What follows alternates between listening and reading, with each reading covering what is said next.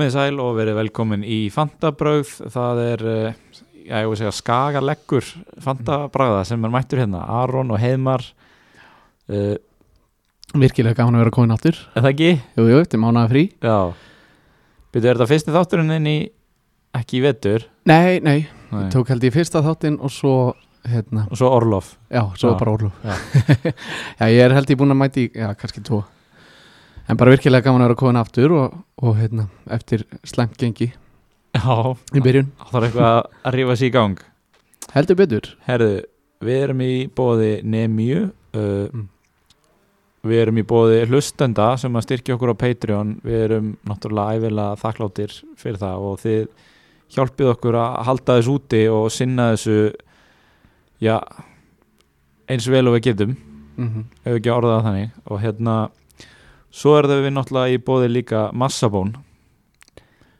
Já, sem eru með uh, gjafaleikin sinn í gangi að hérna með endilega henda like á, á Facebook á Massabón og hérna en fyrsta november verður dreigið úr öllum áskrifundum okkar hjá Patreon mm og hérna og það er Já. sama hvað hva áskriftur með það ekki? Jú, Það er bara allir, já, allir eru í pottin allir í bótinum sem eru hérna styrtaræðal á Patreon. Mm -hmm.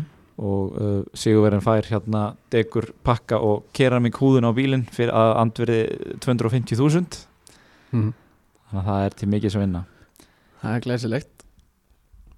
Ef við ekki að skella okkur í fantasíð Jú, Þó ég kannski vildi helst uh, bara uh, sleppa því með hvernig gekk um helgina. Viltu byrja að segja hvernig þér gekk?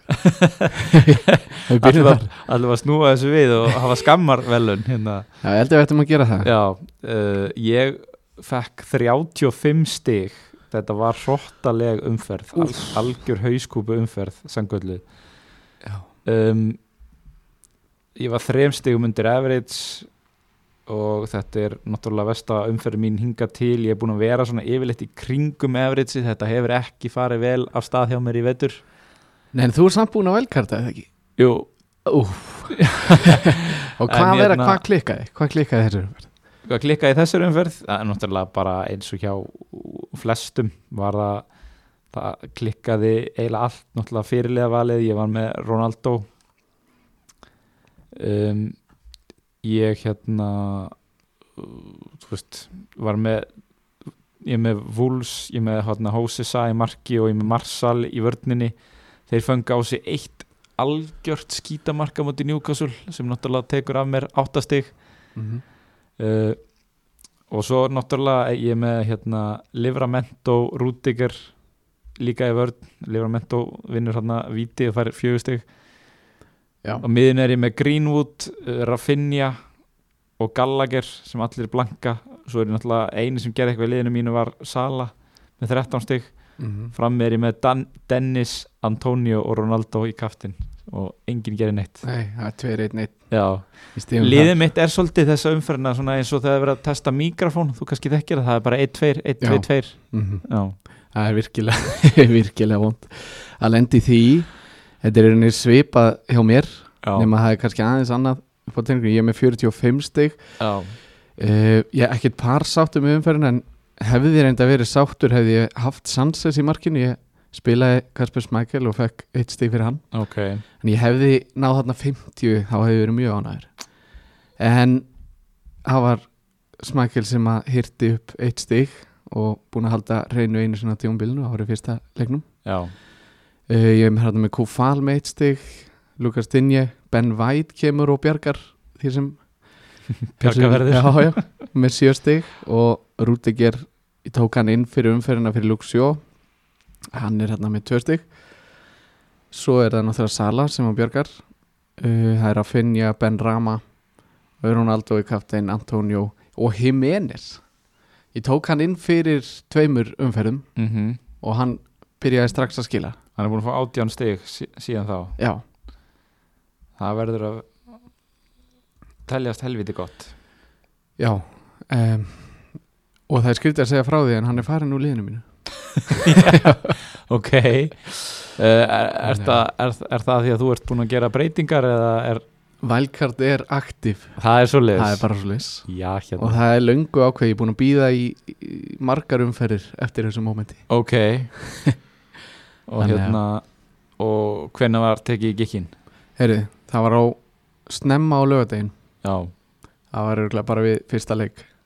Þá var, þá var ég byrjaði að um leið og í- byrjaði þá var bara rifið í gikkin og já, farið að tingera já, af því að það er auðvitað þannig að leikmenn byrja strax að hækka. Mm -hmm. þannig að maður vill ná inn leikmannu strax. Já, áður en er, ég held að allavega var ég að skoða þarna FPL statistics eins og við notum mikið. Og þeir áttu að hækka þarna nokkrir um nóttina og það var nefnilega kannski eitt sem var svolítið ótrúlega dísar að það var einmitt hækkanir sem áttu að fara alveg 5 eða 6 hækkanir sem áttu Mhm. að fara í gegn hann á föstudagskvöldinu áður en umfyrin byrjaði. Og ég gæti ekki séð að neitt af þeim hefði farið í gegn. Nei, það fór eiginlega engin af þessum í gegn hérna á lögadaginn nema Aron Ramstil, hann Já. hækkaði um 0,1 já, það var eina en það voru Lukaku, Cancelo og fleiri hérna. Já, Yfir og einhver já, en reyndar er Cancelo búin að hækka. Já svo, svo gerðist þarna þetta þarna á næstu 5 dögum og lögudeginum og sunnudeginum. Já, já. Þannig En hérna, svona- já, við ætlum ekki sérstaklega að fara yfir leikina. Ég held að okkar hlustendur viti nú alveg hvað gerist í þessari umferð En við tökum þetta bara svona uh, í gegnum, gegnum þáttinn. Mhm. uh, En bara, ég er svo spenntur að vita valdkartliðið þitt. Ef við ekki bara, viltu ekki bara fara yfir það og Jú, segja okkur aðeins akkur þú ert að velja þessi kalla. Og kannski eitt áður en ég fer í liðið uh, og það var bara akkurat það sem við vorum að tala um, um það er ég tel það mjög mikilvægt að taka inn leikmenn sem er að hækka mm, og þú getur sko, jafnvel þó ætlir ekki að skipta út leikmanni eins og bara þú varst að vælkarta fyrir síðustumferð þá lækkar Luxio um 0,1 mm -hmm. en ef þú tekur inn um, ef þú tekur inn Alonso þá og þá í rauninni sko hann hækkar um 0,2 í umferðinni Mm -hmm. og þó viljir ekki vera með Alon- Alonso Mm -hmm. þá getur selt hann þú veist, eftir að hann er búin að hækka um 0,2 ef þú ert með valkarti og grætt hann 0,1 og Mhm. tekið Luxio aftur grættir henni 0,2 Já, þannig að það er svona það það er, þetta er bara eins og hlutabröðmarkaður þetta er rosalegt að- þegar maður er byrjaður en það er svona það sem maður er kannski elda svolítið við í þessum valkvörðum sérstaklega í landsleikilhjum og hefur svo langan tíma sko. Já, mér hefur oft fundist svona vera uh, mi, sest, lítið um verðbreytingar í landsleikjarljöfum þetta er svo langur tími, fólk er einhvern veginn lítið að pæla í þessu. Mm -hmm. og svona uh, kannski einstaka sinnum sem menn hækka um þessa 0,2 sem að þarf til að fá eitthvað út úr þessu en, en, hérna, en vissulega kemur það fyrir. Það er í rauninu oft sko ef að leikmæður stóð sig mjög vel í umferðinni þá Mhm. kannski hækkar hann strax fyrsta daginn Já. um 0,1 Já, og svo getur verið að hann til dæmis skori tvö mörg eða eitthvað í landsleikjarlinu og þá bara fara ennþá og svo fleiri setni hluta þessa setni vikunar þegar að fer að líða umferða þá já, þá er hann búin að hækka um 0,2 mm og mér er svolítið sniðu taktík að, að selja leikmann eða fylgjast vel með þessu þegar þú ert á velgardinu þó svo að til dæmis ef ég hefði treyst á að Lukas Dinje myndi fara að snúa eins við tablinu og ætlaði að vera með hann áfram og ég sé að hann er að lækka selja hann þá fyrir bara einhvern -hmm. og taka hann svo inn aftur Mm þá ert í rauninni ekki að tapa á þessu þessari verðlækun Já, en já, það var kannski, það er eitt punktur sem að koma inn á hérna. Og líka það er mitt að geta sko, það er mjög sjálfgætt að einhver hækki í 0,2 en þá getur þú grætt 0,1 já, þó þú ætlar ekki að vera með hann sko. einmitt. Uh, hérna. en á ég ekki að fara bara fara eins í er að hvaða tvo markmenn ertu með núna? uh, ég fór úr taktíkinni sem ég var með síðast. Núna ætla ég að fara í Mendy Já, og Ben Foster ok þegar Foster er búin að spila síðustu þrjá leiki fyrir Watford Já. og er þar leðandi ódýrasti markmaðurinn sem er spilandi eins og er mm -hmm. uh, Mendy eða þess að Chelsea á bara svakalegt prógram Mm -hmm. og ég á mikið að spá í Mendy eða Ederson uh, ég vildi bara hafa einn solid markmann sem að er að halda hreinu Mm -hmm. ég fekk algjör að leið þarna á Smækel sem er búin að vera að fá eitt stig eiginlega í hverjum einasta leik fyrir utan fyrstu umferðina byrjaði mjög vel. Þannig að ég ákvað að taka Mendy og í rauninni vörnum mín er svona það er Mendy, það er Trent, Díaz, Rúdiger og Cancelo. Ok. Og hann að ég leggst þungt í vörn. Mm og ég var mikið að spá hvort ég ætti að hafa tvo varnamenn frá Chelsea og einn varnamann frá City og þá markmannin. Já, en að því að bakverðinir eru, mér finnst sko Cancelo finnst mér vera alveg fastur í liðinu. Mm eftir að Mendy er dottin út þá eiga er ekki Benjamin Mendy, já, já, já. Þá eiga er ekki annað en Sinchenko emitt sem var að bakverð og ég held að þeir eigi mér þess að vallar sko hægri var að bakverð. Nei, þannig að Kyle Walker er og Cancelo og svo er Sinchenko ef að Sinchenko kemur inn þá getur Cancelo farið yfir á hægri sko. emitt þannig að mér finnst mjög hæpið að hann verði mikið kvildur sko.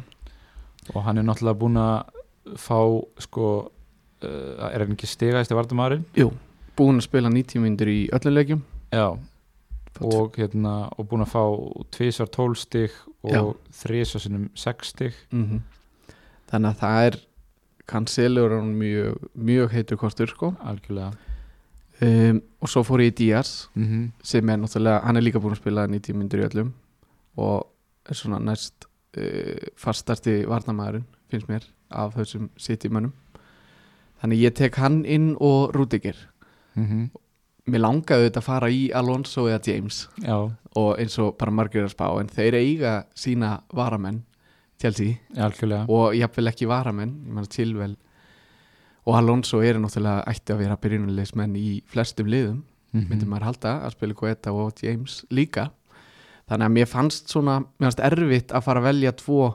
Þannig að ég tók svona save kostin tek þá bara markmannin í Chelsea og Rudiger ok, og Cancelo Díaz pældur ég eitthvað í því að taka að spila kvöta í staðin fyrir Rúdikar uh, Nei, nei, bara út af róteringunni. Ég held að Rudiger sé að fara spila bara flesta leiki. Náttúrulega eini varnamæður sem spilar þessa vinstri hafsenda stöðu mm þarna hjá þeim. Já, og, og einmitt hefur spilað já, alla leiki. Hefur verið líka bara litið mjög vel út í teiknum já, fram á við. Átti stóðsendingum helgina í, í marki sem var svo dæmt af vegna rángstöðu Já, réttilega.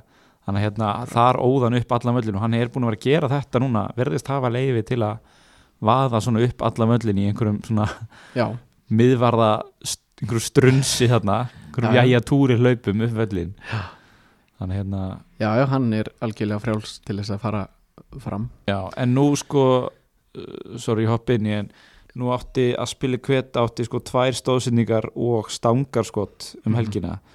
Eftir að hafa kannski, veit ekki hvort þú sást það en eftir að hafa, þú veist, séð það uh, ertu eitthvað að pæli að setja hann inn fyrst þú ert á veldkarti, þú getur tekið hann ennþá Nei, ég, ég, ég er með Lukaku sko. Þannig að ég er búin að fylla upp í slottin ok, Mér finnst bara Hann er alveg spennandi kostur En Mm. af því að hann á þennan varamann hmm. Hann mun ekki spila alla leiki já, Þá finnst mér bara Rúdegir Rúdegir er líka ódýrari Ég tók hann inn e, fyrir síðustu umferð áður en hann hækkaði þá Já. og ég held að hann sé búin að hækka aftur núna sko. já hann er komin í 5,8 held ég Já, ég held ég hafi náð honum í 5,6 já, um, en Aspili Koeta er samt uh, funn heitur, mér finnst hann betri kostur í er spilandi en, Mhm. en mér finnst bara Rúdiger svona líklegri og ég er líka búin að eigða öllum peningum ok. já, já ekki þetta svona ráðst af öllu þínu fjö já, já, herru, þá færum við okkur upp á miðina ég heldur að Finja og Sala ok, og svo er það minn maður. Hann er komin inn. Hvernig eru talið? við erum að tala um Saha. Já, Vilfríð Saha. Vilfred Saha. Þetta er sprengju leikmaður. Já, áhætta í honum. Uh, annarkvæð skilar hann tveimur stegum eða 15 15 já. það er bara, það er ekki millhugur en hvað hann, erum við að tala um í eignarhaldi núna hjá honum? við erum að tala um 7% ok, hann kostar 6,9 og er svona við það að hækka já, núna um, við sáum það um daginn að um, Miljojovic var inn á og hann tekur samt víti Saha tekur samt vítin Já, já. þannig að hann er vítaskipta nummer 1 já, já. og maður á þessu verði sem er vítaskiptan og er allt í öllu í sóknarleik Kristal Palace, auðvitað er það kom margir leikir á tímabilinu sem er skora ekki mark Mm. en um leið og Palace skora mark og maður fær tilkynning í fótmópið já, það er þá er alveg yfirgnæðandi líkur á að hann takið þátt í. Algjörlega. Gerði reyndar ekki um helgina en, en ég hérna já, ég ætla að taka hann inn. Þegar ég er líka fínt prógram. Þeir eru mjög góðan leik núna Arsenal úti. Já, þess finnst það mjög góðu leikur. Mér finnst það, nei, nei. Reyndar þeir eru búin að halda hreinu held ég þrjáleikir eða ekki? Arsenal? Já, uh, Þeir fengi á sig marka bútið Tottenham.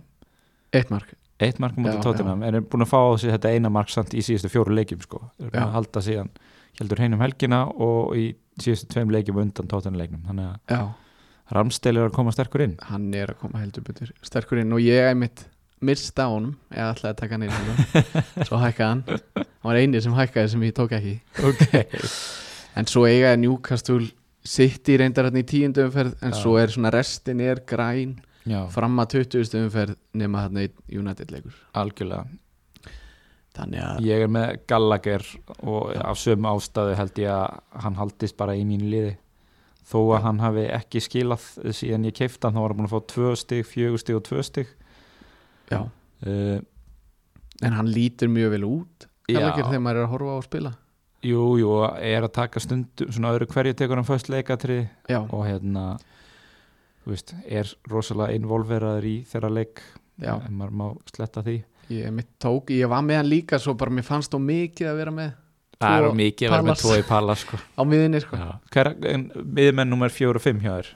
e, það eru Douglas Lewis og sem miklu mistarar Þetta var alveg svona trukka miði ef þú myndir setja þess að tvo saman á miðina ég var alveg harður á því hérna í byrjun leik þegar að vera með dýran back ég kom með eins og dýran hægt er að vera með núna.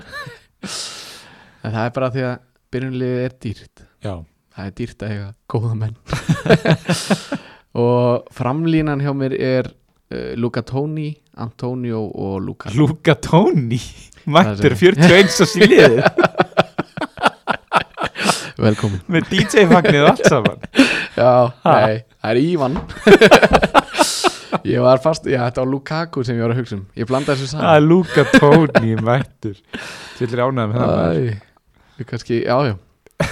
Tökum Þetta út. verður ekki klift út. En hvað segirðu, Tóni, Ívan Lukaku Tóni. Ég ég er alltaf að ruggla nöfnum. Já, ég man ekki hvað ég segði síðast. Það var, það var eitthvað ég, það var hérna Renato Sanchez í markinu. Já. Ég veit ekki hvað. Það var gaman að sjá hann breyta sig þar. En þú segir, þú ert með Lukaku, Ivan Tóni já, og Og- Antonio. og Antonio, já. Búin að vera með Antonio síðan í byrjun. Já, og held honum að sjálfsögum um, Tony er að fara í mjög gott prógram. Hér er að Chelsea næst, Mhm. svo Leicester en Mhm. restin er bara grænt þarna eiginlega fram að 19. sko. Já, um, og hann líka lítur mjög vel út. Þegar maður er að horfa á Brentford spila þá er hann hann er allt í öllu í Mhm. sóknarleiknum. Mm þó svo reyndar, ég held að hann skoraði ekki í síðasta leik. Fekk hann engin stig í síðasta leik Nei. og, Nei, en, en hann bara lítur vel út og er á vítum og, og, og svona hann er, ég er með sömu típu af strækjurum já. þessar þrjár, þetta er allt svona nöyt í tegnum Já, hann er þú er ekki til að mæta þessari þryggja manna framlínu sem bara- varnamaður alls ekki, Nei, alls ekki. En mér líður mjög vel með, með þessa þrjá. Ég var með Ronaldo. Já. Vel brendur eftir hann. Mm og ég tók hann inn hann eftir njúkastuleikin Já, sam og ég gerði já, ég held að margir hafi fallið í þá greifu um, maður hugsaði nefnilega eins og við töluðum um hann fyrir, fyrir það og hugsaði að maður býða og sjá.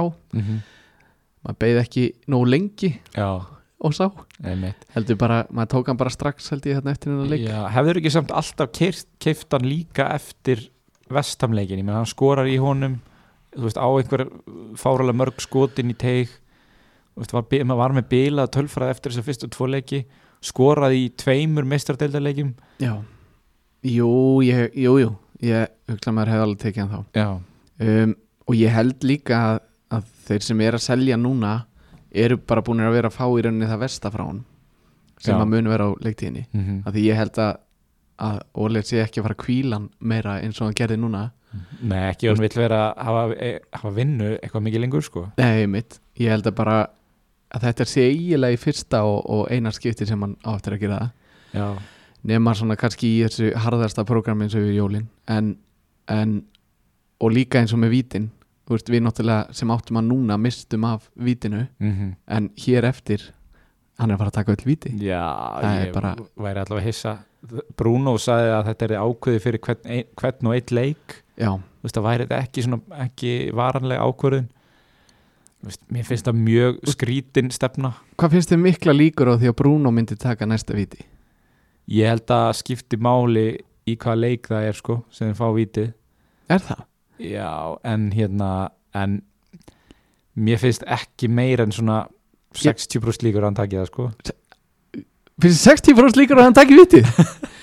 Ég myndi segja svona 50-60% að Bruno taki víti? Já, sástu kveðjurnar sem að Ég- þú veist, það var eins og einhver og hefði 40% líkur á því að Ronaldo það var taki eins og einhver hefði dáið þegar hann klúraði síðasta víti. Það var bara eitthvað, hann bara fekk einhverja hjarta knúskveðjur á Instagram bara frá öllum leikmennum liðsins og bara eitthvað stay strong bro, hang in there we're all standing by you. Hann klúraði sko víti í sjött umferð. En hvað heldur ég, ég, ég, ég hefði gíska á svona 95% líkur Ronaldo ok, og svona 5% Bruno. Já. Alveg f- 60% ég er, í- þú ert í ég er í sjokki. það er rosalegt. Nei, ég held að bara Ronaldo sé að bókaður næst og svo lengi sem hann klúrar ekki þá held ég að hann haldi bara áfram svo. já, ég vona það. Þeir eiga lestir í næsta leik sem að líta ekki vel út. Nei, ekki varnarlega. Og leka mörgum alveg eins og enginn sem morgundagurinn. Það er einn maður sem lítur vel út þar mm. í Leicester, já, viltu segja? já, ég reikna með að þú sért að tala um Jamie Vardy. Harvey Barnes. Harry Ég var svo hrifin á hann fyrir leitíðina og peppa hann svo vel upp fyrir Gilva sko. Já, Svo fór það eins og, eins og því það fór. sem fór. Já, Ég held reyndar að vera að fara að segja Ian Nacho því ég veit hvað þú ert mikið á já heimagni ó, Ég er bara Og svo hann- brendur að því ég er búin að gleyma hann og hann skoraði um helgina. Byrjaði og skoraði. Ég bara skil ekki Er, er þetta fyrsti leikurinn sem hann byrjar eða? Ég er ekki frá því. Geti ekki verið. Og hann skorar. Veist, hvað er maðurinn að spá að, byrja honum ekki? eftir leikin kemur Rodgers með eitthvað svona með eitthvað svona mjög skrítin komment bara eitthvað, já, hann er samt þú veist, bara svo típa leikmanni sem getur bara að spila eina stöðu hann er bara strækir og ekkert annað og það þýðir við þurfum að breyta leikkerunu til að, þú veist, geta að starta hann. En hvernig, hann var að starta honum og Vardí á síðasta tímabili? Já, Myndi lók tí, tímabilisins var, var það ekki var ekki Barnes eða Mattisson meittir þá? Í- En þú sér hvað sko Bans og Mattisson er búin að vera að gera. Emmett Svo kemur hann, byrjar eitt leik, skorar mm. Og Vardí skorar líka tvö eða ekki? Ja, Hann skoraði skorar eitt um um já. Þannig að ég skil bara ekki Af hverju ekki að spila þeim bara báðum. Emmett Frammi. Þannig að En fyrst einu konir í það Þá kannski Málu nefna það Við tölum lítið um Vardí sko. Málu nefna það að hann er búin að skora fjögur mörg í síðustu þreymulegjum með 20 og 7 stig. Emmett á meðan að Lukaku er búin að blanka í síðustu þreymur með 6 stig og Ronaldo með 9 stig. Já, þannig að það, hann er vel gleymdur. En ég sé hann er að hækka svolítið núna í eignar hlutvalli um, en samt verður þetta til ég, ég hugsa ekki eins og um það að taka hann inn. Nei. Í valkartinu það er bara maður er svo fastur á að Lukaku og Ronaldo þeir eru konir þarna til að segja þetta. Já, en svo gleymast svona menn. Þetta er ótrúlega svolítið sko. Nefnarendar, mér langar að gefa smá hérna shoutout á hérna, vinn þáttarins, hann Halla sem er nummer þrjú á Íslandi. Já. uh, og hérna ég sá að hann er mikið að uh, trista á Vardí er hann að vinna með? Hann er að vinna með sko bara framlýruna fyrir tveimur árum. Þetta er old school. Vardí og þetta Púki er alvöru. Og hérna þetta er alvöru. Já, ég sé reyndar að hann er með sömu markmenn hérna og ég. Ég var að já, með Kasper Smækil hérna. Já, já. Uh, hann kaftinaði Alonso um helgina já, sem spilaði ekki neitt en fekk þá Vardí í væskaftin.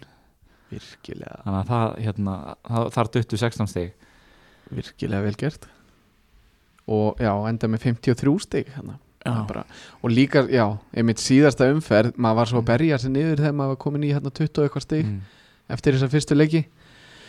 Um, aðeins að setja smá fyrirvar á þetta. Gæti verið ég sé að fara mannavilt já það. Mér sýnist það já þetta er annar halli. En, en nafni greinilega skilar góðum árangri í fantasy. Það er Já, spurningum já. að fara að breyta um nafn bara. Já.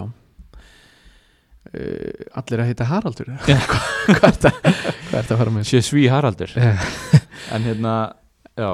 Nei, sko, já, maður er, maður er ofta að berja sig niður fyrir, fyrir slæmt gengi af því að maður er með lág stig. En maður þarf þetta alltaf að miða við þetta meðaltal eða sérst, já, já, veist, maður á bara að vera virkilega sáttu með mitt að fá 50 stig í þessari umferð.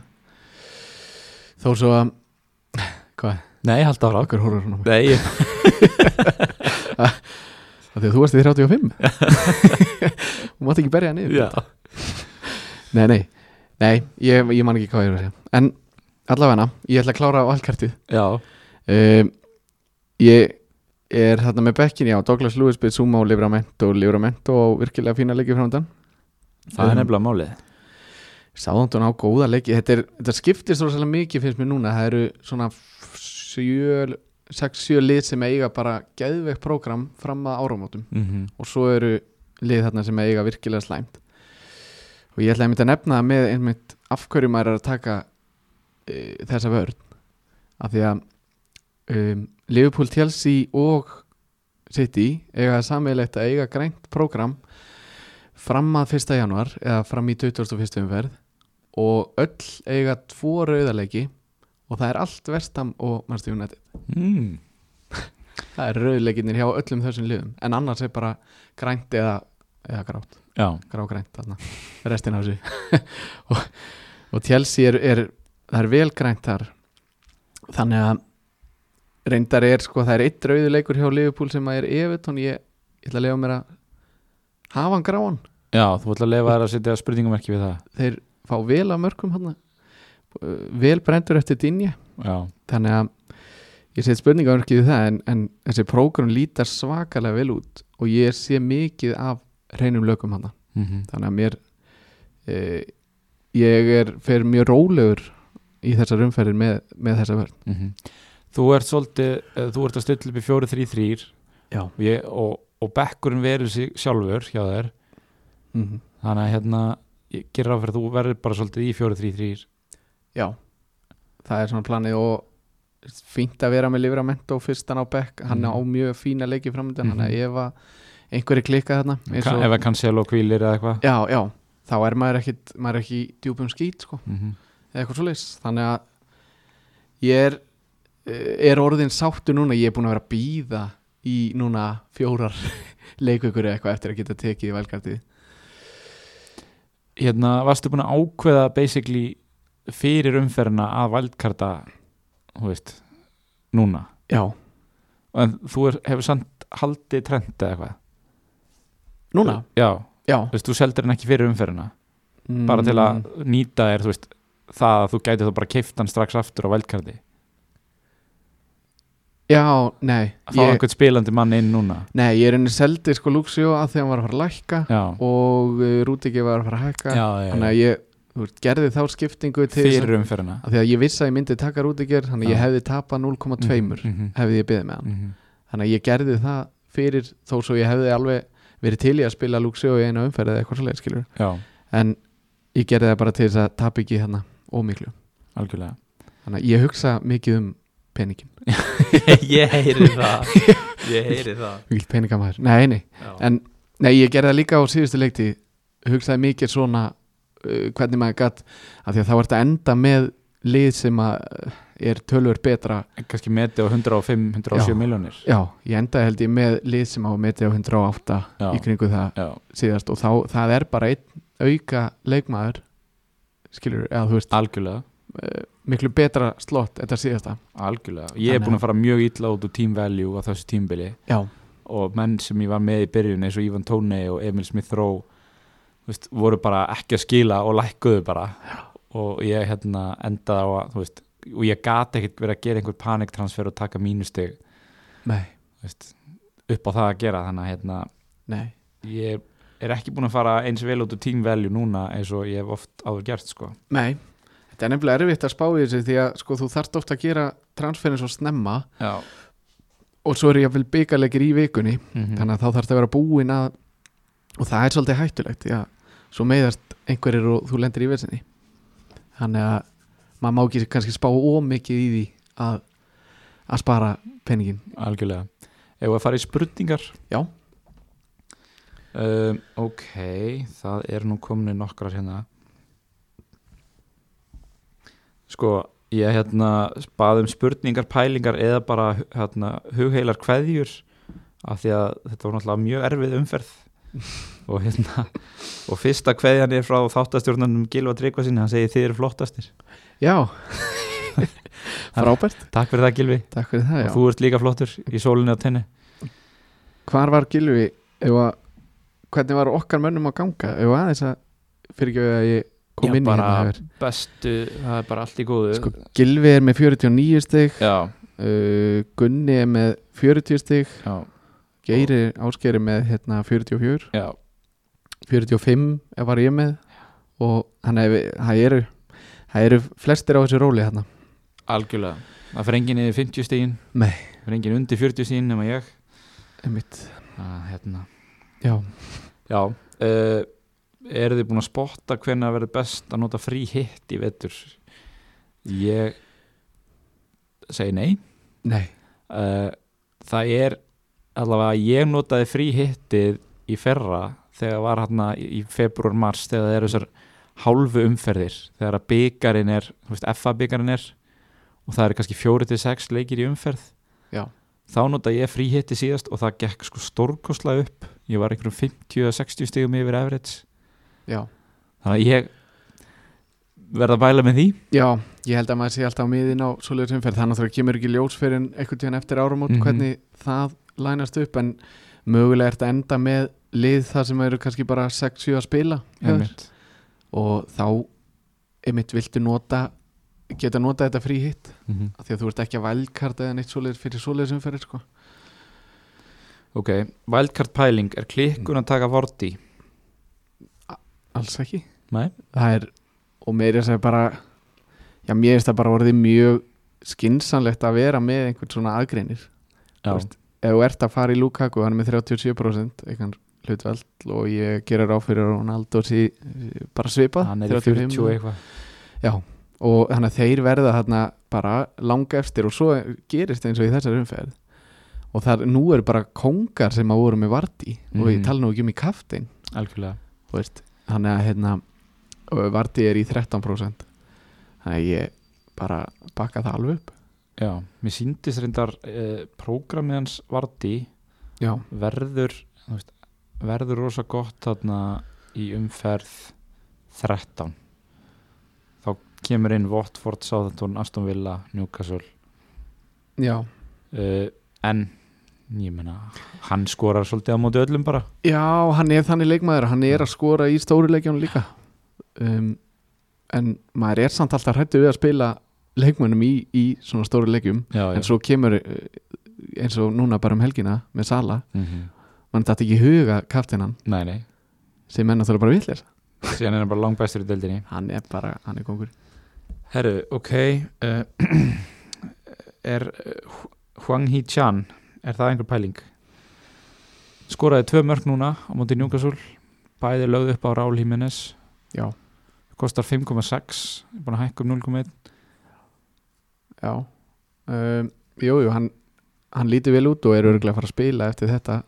Já, alveg bókað en eh, aðeins, aðeins meira klinikal heldur en Adama Trári já, líka bara Traori er búin að vera kvildur núna í síðustu tveimurlegjum Já. eða kvildur eða bara bekkjaður.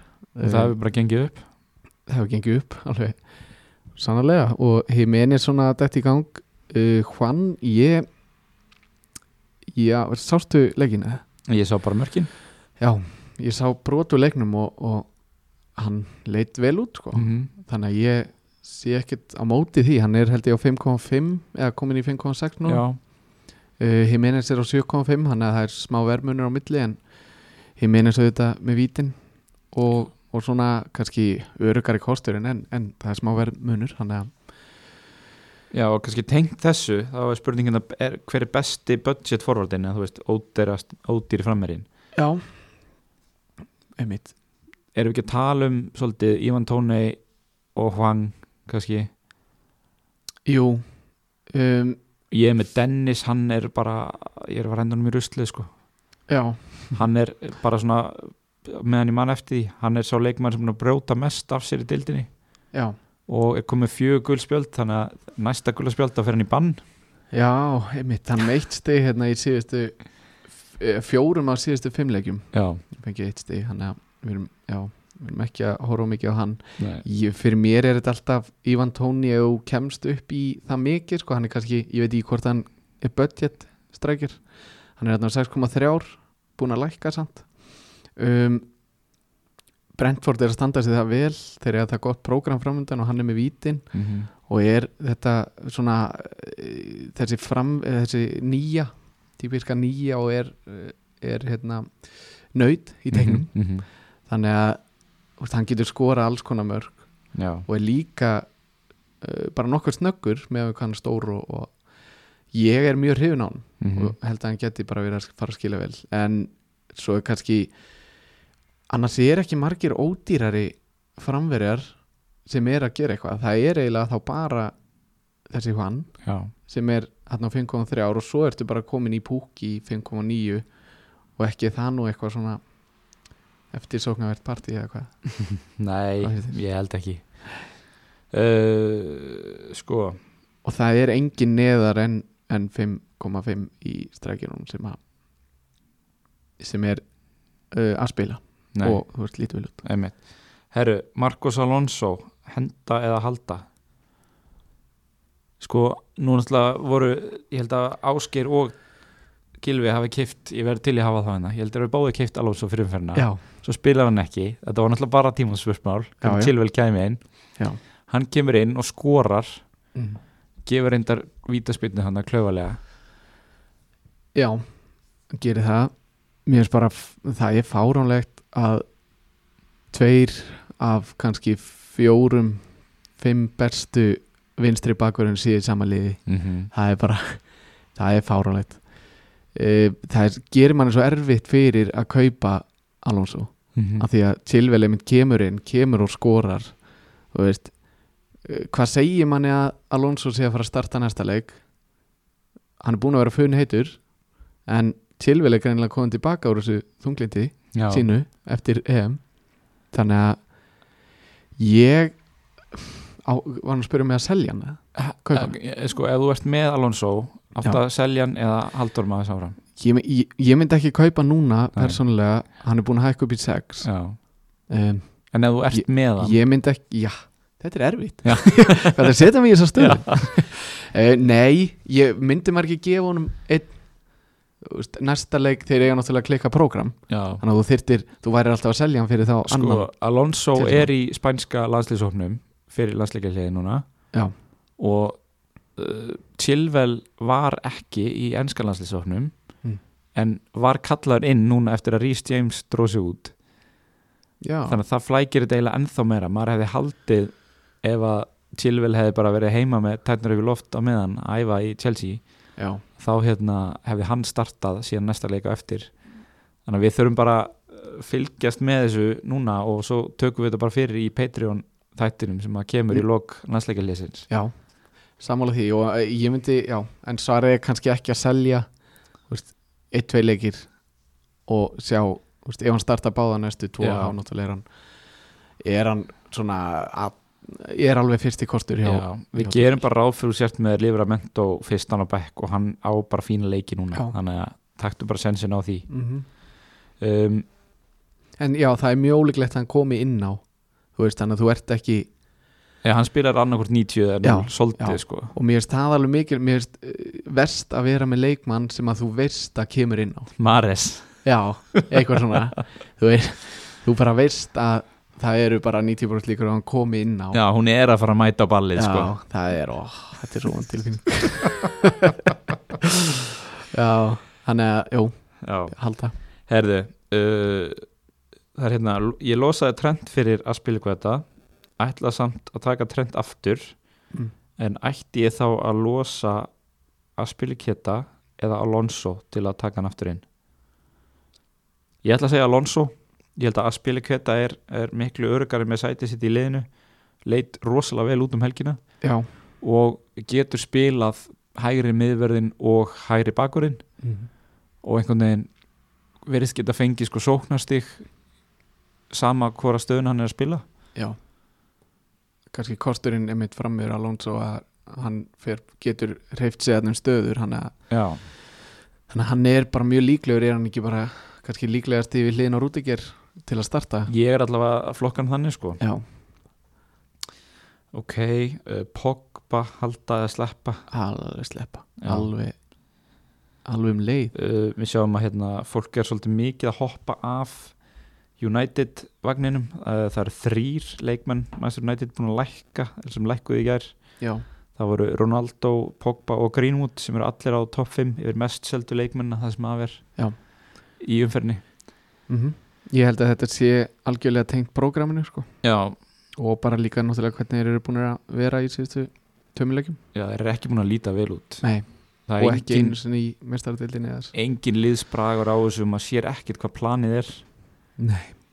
Og einmitt í samála því og, og Greenwood búin að vera og mér fei, ég seldi hann eftir þriðjumferð já, hann að nýja sem Og keifta hérna- held ég eftir þriðumferð Já, Já. fóruð þannig. Já, er En hann er svona En hann samt búin að vera að fá að spila Það er, þú veist, ég seldi hann aðalega því að ég held að kannski hann færi aðeins að svona Dett út úr liðinu. Já, já, þó myndi ég spila megnið sko, en hann er búin að vera að spila og, og eiga sletta skotum og allt það en eitthvað, það er eitthvað sem er ekki að, að hitta. Já, um, Ok, á maður að hafa Svo er hérna, þú veist, það eru einhverju þrýr með sama punktin Á maður ekki bara hafa fyrirlega bandi á sala út leiktíðina? Uh, Jú, það er bara maður hugsaði þetta mitt þegar maður horfði á City. Já, við erum mikið af því fólki sem að gekk hvað best í þessar umferð Fólk sem glemd að breyta liðinu og var með sala í kaftin Já, þetta munar svo miklu sko, að fólk vera, sem hafi bara einfallega kjarkin í það á móti Manchester City. Munar svo miklu að, að vera með þetta eina stig fyrir Ronaldo og, og svo 13 mm -hmm. á sala. Mm -hmm.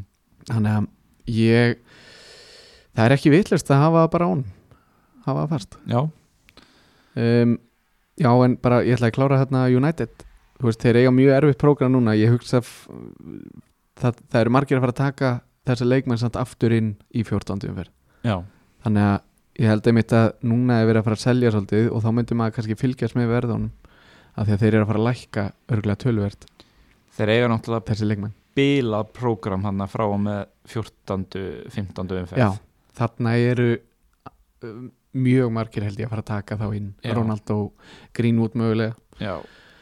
og, Og, svo, já. já, þeir, sorry, þeir eru með mjög svona kaplaskipt próg- leikaprógram í, á þessari leiktíð Já. og síðan í umferð 28 tekur aftur við svona hrína það sem er mæta Manchester City, Tottenham, Liverpool og Leicester og, e og Everton þannig að það er svona nokkuð þægilegt hvenar er hægt að vera með þessi leikmenn og hvenar ekki já, og mér, mér þægilegt þegar þetta er svona veist, Mhm. þá bara veistu mm -hmm. það er ákveðin tími sem þú ert með þessa leikmenn og svo losar það á af því þú hefur eiginlega ekki efna að vera að bekkja leikmenn sem kosta 7 miljónir eða meira sko. Nei. og þetta er ástæðan fyrir að mjög margir eru að vældkarta núna það er svo mikil skipting núna Mhm. núna er Chelsea, City, Liverpool eru að fara í mjög gott program mm -hmm. United, Spurs og fleiri að fara í lélegt þannig að það er það er, og svo fer maður að endur skoða þetta hérna í 14. mitt Herru, hérna Já, ég sjálfur ætla að halda Ronaldo í einu umfyrir viðbútt Já. Ég hef enga trú að öðru en að hann starti næsta leik Já. sem er um til Lester sem hafa verið að leika aðeins en ég hugsa nú samt að ég uh, selja hann fyrir og taki Lukaku í nýjundu umferð þegar hann á Norvits held ég á heimaðalli mm. sem er alltaf bilaðu leikur sko Já, og Mm. þá í, eftir það þá eiga sagt Chelsea í þeim þrem umferðum 9, 10 og 11 þá eiga þeir Norwich, Newcastle, Burnley þetta eru Mhm. þrjár af fjórum lélegustu vörðunum í deildinni jú og Lester eftir það Já. og ekki eru þeir mikið skári Nefnitt í vörninni þannig að þetta er, þetta lítur svo vel út -hmm. þetta program þeim og það er bara galið að vera ekki með tvo minnstakosti Já, hérna sko uh, ein spurning mm -hmm.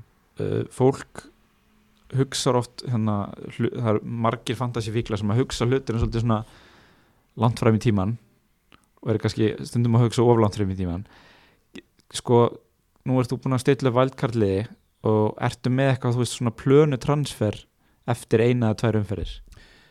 Um, að ég, ég kannski aðalega pæli ég sem Ivan Tóni, þú veist, hann á Chelsea í næsta leik, þú er ekki pælt í að bara taka einhvern annan núna og svo kaupa Tóni eftir umferðina? Mm, Nei, í rauninni ég pældi eiginlega þannig í því að, að ég myndi taka tóni, ég var að spá í að bekkjan og ha- hafa lifur að menta og, geri það mögulega. Mm og hérna hafa hann bara fyrst hann á bekk. Og svo kemur hann bara inn í lið. Um, ég hef engar áhyggjur af þessu valgarliði af því að fram í 20. umferð og þá færðu valgard aftur eftir það þá eiga þessi lið svo svakalegt prógram já, að maður getur bara sest í sófan og, og heldur på eitt kaffi. Já. Og verið bara sultu slagur yfir ok, þessu. ok, þannig að þú ert ekki Þannig með neinn plönu transfer Nei, bara meðan að er, er ekki meðsli og það er svo gott að geta samt hugsað þannig að þú, veist, þú fær bara eitt transfer og þú vilt geta nota það bara ef það kemur eitthvað upp á. Já, sérstaklega þegar þú ert ekki með sterkan back þá viltu geta skipt premium leikmanni út sem að meðist um, án þess að þurfa að vera að taka mínus. Mm þannig að takk fyrir þessi var skemmtilegur eru fleiri spurningar? Æ, já, þetta er, ok þetta er búið að vera langur ok, herri ég nei, er nei, að en já, ég hugsaði bara þannig að þetta eru svo góði leiki fram í 20. hjá ö, flest öllum sem að ég er með í valgarliðinu þannig að Mm. ég er ekki með neitt planað uh, ekki fyrir næstu umferðin nema bara eitthvað að koma upp Nei Ok, sko við báðum líka um hetju og skurkasögur eitthvað sem við höfum ekki gert í smá tíma. Eh, Ég sagði hérna á Instagram sko að þetta var auðvitað, ég setti náttúrulega fyrir var að þetta var mjög vond umferð hjá flestum Já. En ég bað samt um hetju og skurkasögur að því að fólk var svolítið að detta í mínustíðin fyrir umferðina já, Það náttúrulega var, Trent var meittur Sjó var tæpur Rhys James var ekki að fara að spila mm. uh, gaman að, eða gaman, það er nú ekkert gaman en ég ætla samt að geta þess að hérna, transferi mitt fyrir umferðina var að selja Rhys James og kaupa Rudiger. Já, af því að hérna, og þetta er svona algjört eitthvað þú veist, bara skipt út einum vardamann í Chelsea fyrir annan. Umur þetta einhvern veginn mér fannst ég þurfa að gera þessa skiptingu að ég hugsaði bara shit, nú eru einhvern veginn allir að fara að fá clean sheet hjá Chelsea margir með tvo varnamenn veist, margir með Alonso og Rudiger mm. bara ég, ég, þú veist, ég átti að detta svo langt á eftir að því svo var, svo var ég líka með sko trendi meittan þannig að þú veist, ég var mögulega að fara að treysta á Brandon Williams í Norvits að fara að halda hreinu sko sem Já. þeir endur hún reyndar á að gera en hann meiri sér að spila ekki þannig að hérna ég vildi ekki þurfa að gera það og ég vildi ná þessum Chelsea clean sheet stegum sem að mm. duttu síðan ekki inn en hérna, en þetta var eina transferið sem ég gerði fyrir umferð. En en, hvern, já, en veist, hvernig líður eins og núna með Rúdiger í staðin fyrir Rhys James? Uh, bara vel sko. Já. ég, ég, held að þetta hafa alveg verið rétt ákvörðun sko. Já, af því að sko þó að þú veist, nú er Rhys James, hann er alltaf eitthvað svona hálftæpur. Mm og hann leit ógislega vel út hann í fyrstu leikjunum sem er náttúrulega ástæðan fyrir ég keft hann.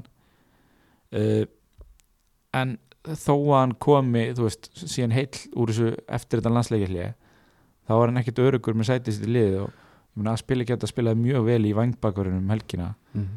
þannig að svona Þannig að mögulega eftir næstu umferð getur þú hugsað að þetta hafi bara verið frábær skipting. Þó að þið finnist það núna. Algjörlega. Já, já. Herru, við ætlum að skoða hérna uh, ok.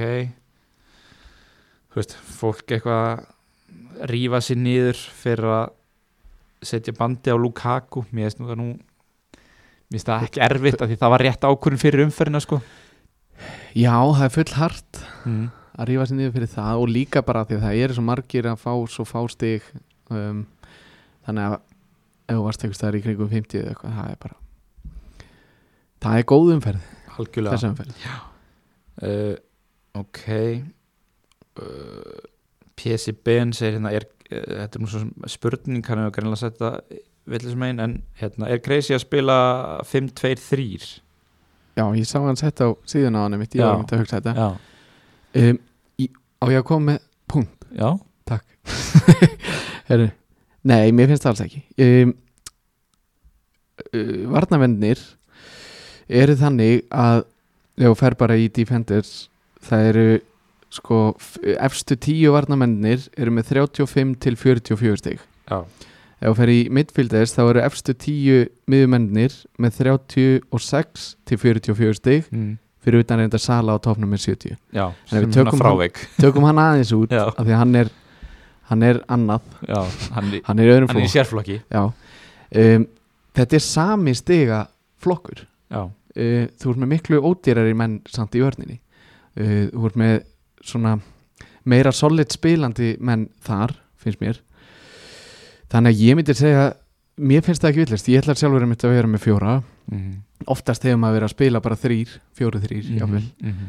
en þetta tímabil sýnir bara þetta og svo framverðarnir það eru svipaða tölur það er 49 stig efsti og fer í miklu minna og fer í topp 10 skilur Já, ertu til að koma með fimm efstu sóknarmenna af því að þetta er alveg störtlaðar maður sjá. Þeir eru þeir eru bara 5 efstu er þá Já, bara, nöfn, 32 bara nöfnin. Nú, já, Mopai. Nei, ekki, ekki Mopai, hann er alltaf Jú, hann er 50 þá. Hann er 50 Já, með 32 stig. Og Saint Maximim er þarna með 37 Gabriel Jesus með 41 Demi Vardy og Antonio 48 og 49 mm. þannig að þú sér að, þú veist, að 32 til 49 stig eru efstu 5 mm -hmm. ef þú ferði efstu 10 þá ertu bara komin í 5 stig. Eh, næstu því skilur. Sem, þú veist, þannig að varnamennir eru bara skila allavega þetta tímabil miklu betur heldur en ja, í s- á pari við efstu efstu skilur. Og, og bara þessi þrjú bestu lið í deildinni Liverpool, Chelsea og Manchester City varninnar í þessum liðum eru bara þannig að þú færð getur fengið ótrúlega mikið af stigum mm. úr vörnum hjá þeim klárlega og bara þe- þessi prógram hérna framöndan ef þú ert með varnamenn í þessum liðum þá ertu miklu örugari heldur en uh, ef þú ferð á miðjumenn eins og hjá City mm -hmm. uh, maður veit ekkert Grílis Maris með De Bruyne uh, Störling og alla þessi menn komnir inn ég held að þessi engin lengur meittur sko. Mhm. þá, þú veist, ekkert hver er að fara að spila Það er nefnilega máli og kannski tölum aðeins um það því að prógram hjá Manchester City er að eh, breytast núna, það er einmitt eitt af þessum liðum sem að nú er að taka við svolítið grænar grundur hjá þeim. Mm -hmm. uh, þeir eiga Burnley, Brighton, Crystal Palace svo hann að svona smá bland í póka og síðan aftur bara alveg grænt. Sko ég meina vitum við eitthvað? Þú, ert á vældkarti, þú ætlar ekki að taka neitt framherja eða, eða miðjumann. Nei, eini sem ég tek er Lukaku í Chelsea Já. en annars Chelsea og, og City ég læta vera bara fram á já, og ég tek þess að örugu varnamenn um, City er með Grílis, Torres, Bernardo Silva Gundogan, Störling Mares Foden. Foden, De Bruyne. Foden kom mjög vel inn núna. já, var frábær í þessum leik. Um, hvernig ætlar að taka skilur veist, og Gundogan er að koma aftur og þá er engi meittur Mhm. þannig að þú ert ekki þú ert ekki örugur með neitt. En þú ert örugar í vörninni af því að Mendy er farin já.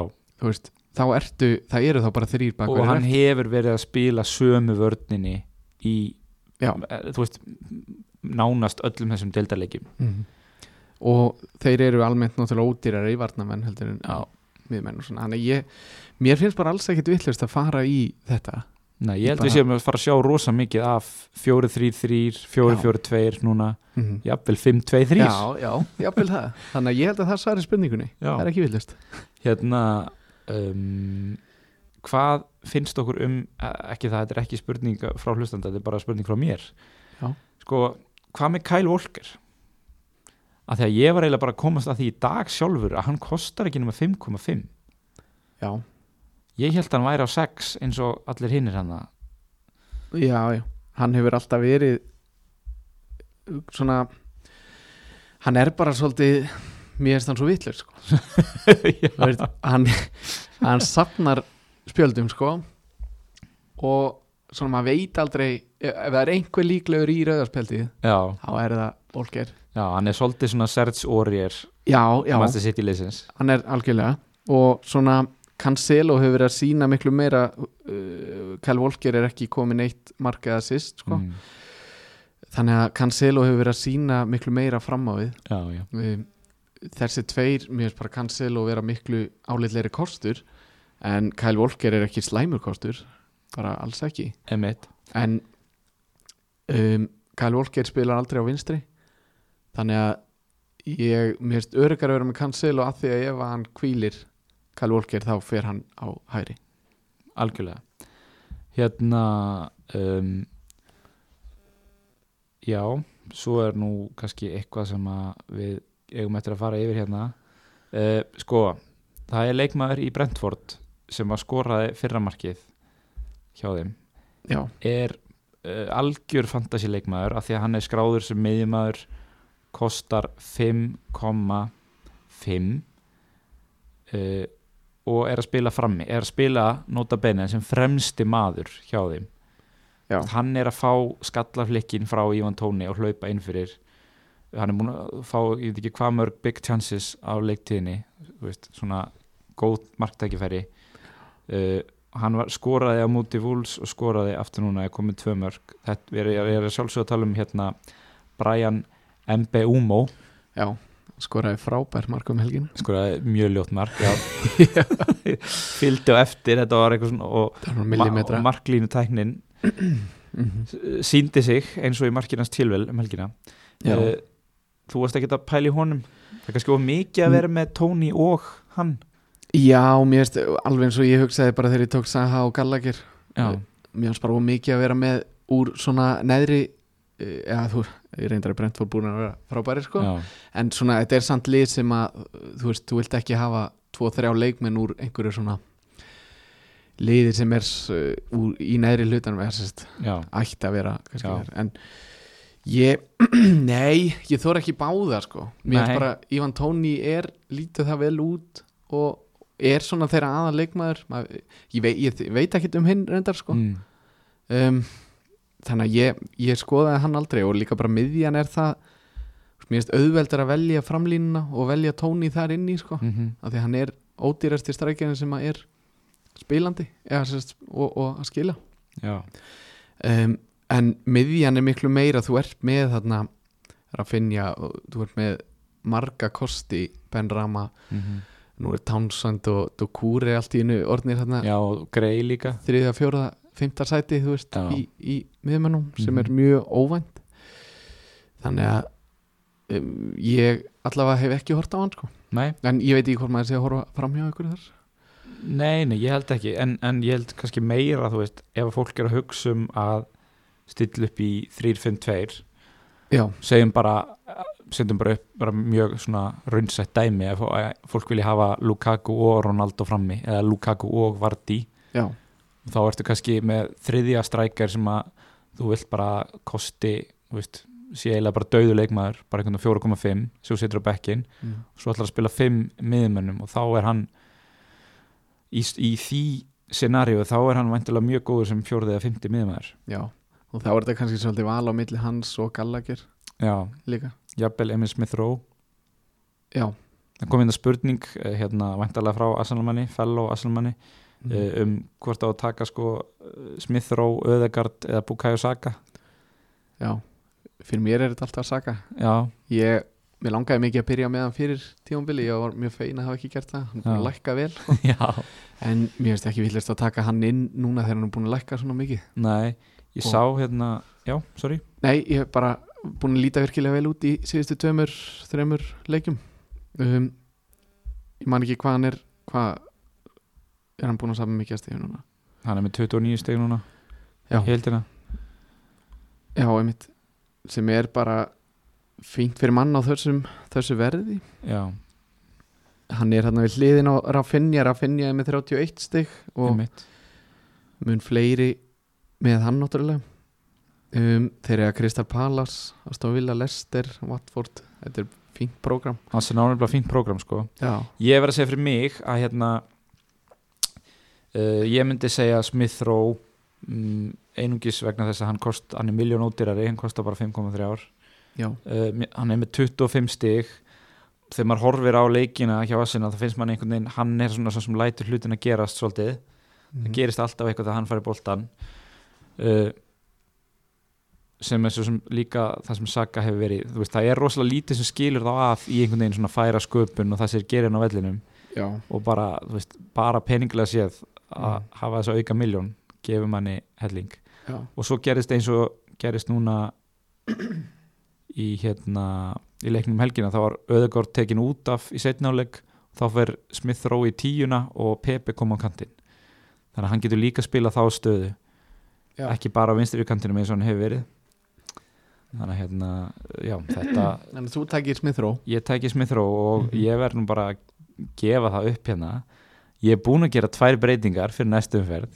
Nei, jú, jú, áttur er tvær? Nei, ég átti ekki tvær. Ég, tó, ég er búin að taka mínus fjóra fyrir næstu umferð. Nei, það er bara fyrir landsleikin já, já, já, Yes, það Ég er sko- áhætt ég hérna ég er komin í full panic mode eins og heyrir. Já, þú veist, heyri. og þetta er, þetta er algjört svona, þú veist don't try this at home, sko, þú veist, bara ekki herma eftir þessu, þetta er alveg svona jackass move, sko, Ok, en ég hérna eins og ég segi, ég var að fara ítl út úr vera lækunum já, uh, ég uh, seldi seldi náttúrulega ég seldi Greenwood sem ég var eiginlega búin að ákveða að gera, sko. Uh, já. mér finnst hann, hann er náttúrulega bara ekki búin að vera að skila mér neinu. Nei. og ég er búin að vera að horfa á mannjuleikina og, og þú veist, finnst þið bara ekki lítið vel út. Mhm. en ég ætla að halda Ronaldo, seldi Greenwood Já, ég keifti Emil Smith Rowe í staðinn. Já, notaði mismunni síðan til að skipta út Brandon Williams í Norvits í vörninni? Já, Já, og taka inn Cancelo. Já, þannig að ég keifti í raun og veru tvo leikmenn sem voru mjög tæpir á því að hækka og ég keifti Cancelo áður en að hækkaði Mhm. uh, og Smith Rowe er, er nú eiginlega bara næsti maður í verðhækkun fplstatistics.com já þannig að hérna ég fannst ég þurfa að gera þessar breytingar áður en að landsliðið kemur. Ég er núna með veist, breiðan hóp það eiga allir að vera að spila. Þannig að ef að einhver meðist í landsliðið þá verð ég bara að taka það á mig og, og fá menn inn á bekknum. Tekur skellin að, Þannig að þú ert með í raun einu sem er tæpur er þá trend þarna hjá þér núna. Já, Ok, sem ætti nú að ætti að vera klár fyrir vottvordleikin og ef ekki þá er þá er engin skaði skeður þar. Nei. Og kannski átt efni á að taka þessar uh, skiptingar svona snemma. Þú ert í raun með alla hvaða leikmenn væri á bekknum til dæmis í, í næstu umferð. Já. ég er einmitt búin að stilla upp strædóliðinu mínu. Uh, Dennis er þriði Marbekk Já. hann bara, hann á ekki breyk hann á mútið Liverpool. Mhm, uh, ég er með Gallagher á bekknum ok. Ég set alveg upp Asran Gleirhjóðum þar. Ég ætla að spila Smith Rowe í staðinn það er eiginlega bara ákvörðin Mm. af því að ég er að, náttúrulega alltaf að fara að spila Rafinha ég er með Jóta og Sala sem ég ætla, ég ætla að halda Jóta í einu umfyrir viðbót gefa honum hennar Watford-leik mm. þannig að hérna Já, svo er ég með Antonio og Ronaldo frammi. Ég ætla, ég ætla að spila Livramento. Þannig að fyrsti maður á þér er Marsal. Já Þannig að þú ert í rauninni með bekk sem að þú væri ekki ótsáttu með að neitt náður sem kem inn á nema kannski Dennis. Já, Þannig að þó svo að meiðist einhver í landsleikilínu þá, þá þú tekur það. Ég er bara vera að taka það á mig. Það, hérna, það er bara þannig. Mm -hmm. herru, mér datt í hug. Erum við, erum við með eitthvað meira? Erum við tæmdur bara það uh, Ég held það kannski prógramið hjá hérna Leeds aðeins. Já, bara létt. Það er, þeir eru mjög bara fram í desember. Uh, mjög gott prógram líka já, þannig að uh, Bamford er hugsanlega koma tilbaka. Og hann er að finja og, og Bamford um, eru þar. Já ég er Textir. náttúrulega er, ég var með Bamford frá byrjun tímpils og það var svolítið erfitt. Hann var ekki einhvern veginn ekki að skila miklu. Nei, og meiðið síðan eftir njúkasuleik og hérna veist, það, það var algjör svona ég segi ekki 50-50 ákvörun en það var Mm. ákvörun já, Bamford eða Antonio fyrir tímbilið sem ég enda á að taka Bamford þú veist, það var náttúrulega bara eftir á klárlega raung ákvörun já. og ég er búin að fara mjög ill út úr því en hérna, En hvernig líður eins og með Antonio í prógraminu hans? Við hliðin á kannski Bamford. Nú er ég hugsa, ég er á valkvæmt já, ég er allir mögulegi kostir. Sko, tökum bara eitt leik í einu hérna með Antonio. Hann á Everton næst. Mm hann getur skorað á mútið þeim. Já, hann á Tottenham eftir það Tottenham líta ekki vel út. Hann getur skorað á mútið þeim. Mm uh, og svo hann Aston Villa uh, þar á eftir. Mér finnst hann alveg svona geta skorað í öllum þessum þreim leikjum. Já, það er, þú veist, ef maður er á vældkarti eins og þú og við fáum Bielsa nú er sko eiginlega besti þjálfarinn upp á fantasi að gera, hann segir bara já, heyrðu, þetta verður byrjunliðið mitt, þessir eru leikfærir og þessir geta ekki spilað. Já klálega. Þannig að ef við fáum fréttir því að Bamford sé klár og sé að fara að starta Þetta er, já, Ég- síðan, já. síðan er ég ekki hlutlaus af því að ég er búin að fara svo illa út úr Bamford á Já, tímbilinu, ok. skilur mig Já um, Það sem ég er að hugsa er bara eins og ég á null í bankanum sko Ég kefti Antonio í byrjun á 7.5 uh, Hann er búin að hækka upp í 8 núna Þannig að hann er á, ég á 7.7 ef sér hann mm -hmm. Uh, Bamford er á 7.8 núna Ok. Gæti lækka meira því hann er ekkert búin að vera að spila hann 7,8? Já. já, hann byrjaði á 8 Já. já, já, mér fannst að- byrja á 7,5 Ef hann dettur niður í 7.7 Það er séns Mm. af því að hann er í 5,6% eignan hlutvallinu á meðan Antonio er í 50% þannig að ef maður vill vera aðeins eins og núna það veitir ekkert af því hjá mér og sennilega þér og, og fleirum mm. að fá smá hérna búst inn, já, að taka þá sénsinn sko. já, uh, af því að við veitum náttúrulega að Bamford er leikmaður sem getur skila 10 stegum pluss mm -hmm. og Antonio, Antonio er alveg leikmaður sem getur farið að blanka í þessu prógrami. Svo þannig að, náttúrulega Vestam er í Európikeppni sko. já og svo það þannig að það er álag veist, Antonio er eini strækjarinn í Vestham já, uh, þannig að í rauninni einmitt það er góða punktur. Þeir eru að fara í miklu uh, meira álag já. heldur en til dæmis uh, lít sem að er bara að fara að spila deildina. Og frá og með umferð ell- umferðum 11 til 15 þá spilar Vestam múti Liverpool, Manchester City og Chelsea. Þannig að ef maður ætlar að selja hann þá myndi ég selja hann að veist, ef ekki í einhver tíman í næstu þreim umferðum þá myndi ég klálega s- selja hann fyrir umferð 11 já, já, en þetta er bara svona þetta er spurning, þetta er hugmynd. Já, það er bara en, en Antonio það er erfitt að réttlæta það samt að láta hann fara. Já, en af því að hann er svona með þetta hátt eignan hlutvall við hliðin á Bamford sem að er ekki mikið síðri mm í þessu leikaprógrami þessu álegi ég, ég er heitur. Fyrir, fyrir Bamford ef hann lækkar um þú verður að viðkjanna það að þú hefur áhuga. Ég hef áhuga, já. Já, herru, ég var ekki sem enda þáttinn á uh, smá hérna, virðingarvotti við vinn þáttarins. Uh, hann var að skora sitt fyrsta mark á leiktíðinni og við bara getum eiginlega ekki annað en að heiðra nafn hans. Ég er hann spenntur. Já,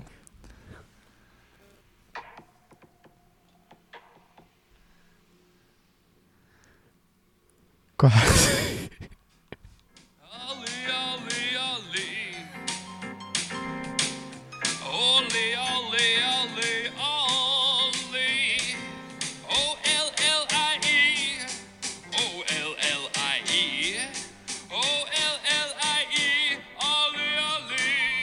já, ég held komið að endum við þetta Olli í hodninu Virkilega gott, já.